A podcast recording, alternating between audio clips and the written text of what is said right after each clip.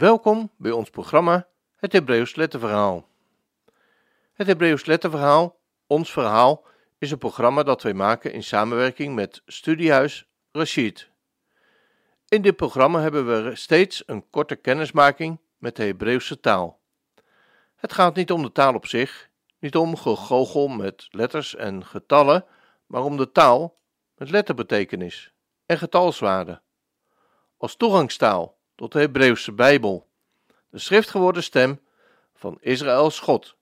Vandaag aflevering 12. In deze aflevering staan wij stil bij de vierde letter, de Dalet. De vierde letter, die ook het getal 4 is en dezelfde klank heeft als onze letter D, heet Dalet. In de vorm van de letter is bovenaan een langgerekte jat te zien, met scherp daartegenaan een vaf. Op dat scherp, op de driehoekige vorm, moet u vooral letten, want de dalet is behalve een omtrekletter vooral een vergisletter. Hij lijkt sprekend op de resh, de twintigste letter. Het enige verschil is dat die scherpe hoek daar wordt afgerond bij de resh. Dalet betekent deur. In de vierde levensfase, als het kind, de alef, wegtrekt uit het ouderlijke huis, de bed, om op eigen benen te gaan staan, de gimel, moet het door de deur naar buiten. Buiten de deur is de vreemde, verwarrende en verleidelijke buitenwereld, met zijn veelheid van tegenstellingen of tegenstrijdigheden. Dalet, 4, is ook symbool voor veelheid. Hoe kan het kind dat de deur van het ouderlijke huis achter zich dichtslaat, in die verwarrende veelheid, in die onoverzichtelijke buitenwereld, de weg vinden? Waar vindt het nou vast? Om niet de weg kwijt te raken, niet te verdwalen, krijgt het kind het ouderlijke advies mee om vast te houden aan de tradities van thuis.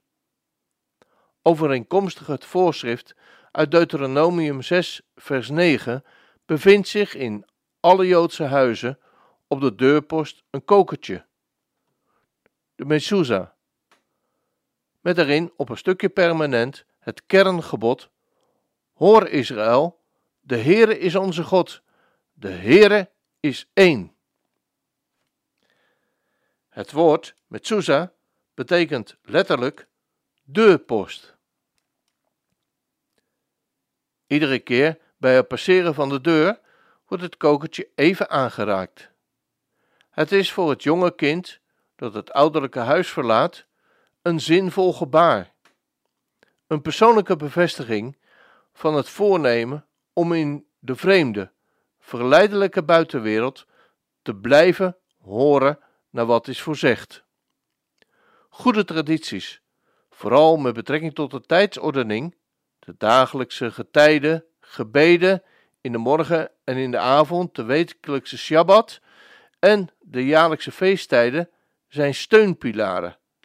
Ze geven in de verwarring op weg naar het volwassen worden een zeker houvast, althans voorlopig. Een interessant woord met een dalet in het midden is Adama, aarde, dat samenhangt met Adam, Adam. Adam betekent letterlijk aardmens, geroepen om de aarde van de Hof van Ede te bewerken en te bewaren. Zo lezen we in Genesis 2, vers 15. Er staat dat Adam is gemaakt van het stof der aarde. Welke aarde? Volgens de Hebreeuwse traditie was de aarde afkomstig van de oerrots, die het middelpunt vormde van de Hof van Ede, en die verzelfstandig wordt met de berg Moria, is Zion. Daarom zingt de psalmist: Ieder mens als nakomeling van Adam is in Sion geboren. Psalm 87, vers 4 en 5. Daarom ligt Sion ook de geestelijke verwoedingsbodem voor ieder mens en ieder volk, zoals we lezen in Jesaja 2, vers 2 tot 4 en Micha 4, vers 1 tot 4. Tot zover aflevering 12. Mocht u meer willen weten of geïnteresseerd zijn in meer informatie over de Hebreeuwse taal, dan verwijzen wij u graag naar de website van Studiehuis Geschied www.studiehuisgeschied.nl. U vindt daar alle benodigde informatie om op een heel toegankelijke manier kennis te maken van het Hebreeuws. Nieuwe afleveringen van dit programma vinden plaats op maandag, woensdag en vrijdagmiddag om 3 uur. Voor herhalingen van dit programma ga dan naar www.radioisrael.nl Radio Weekprogramma. Terugluisteren kan ook. Ga dan naar Radio Israël Uitzending gemist.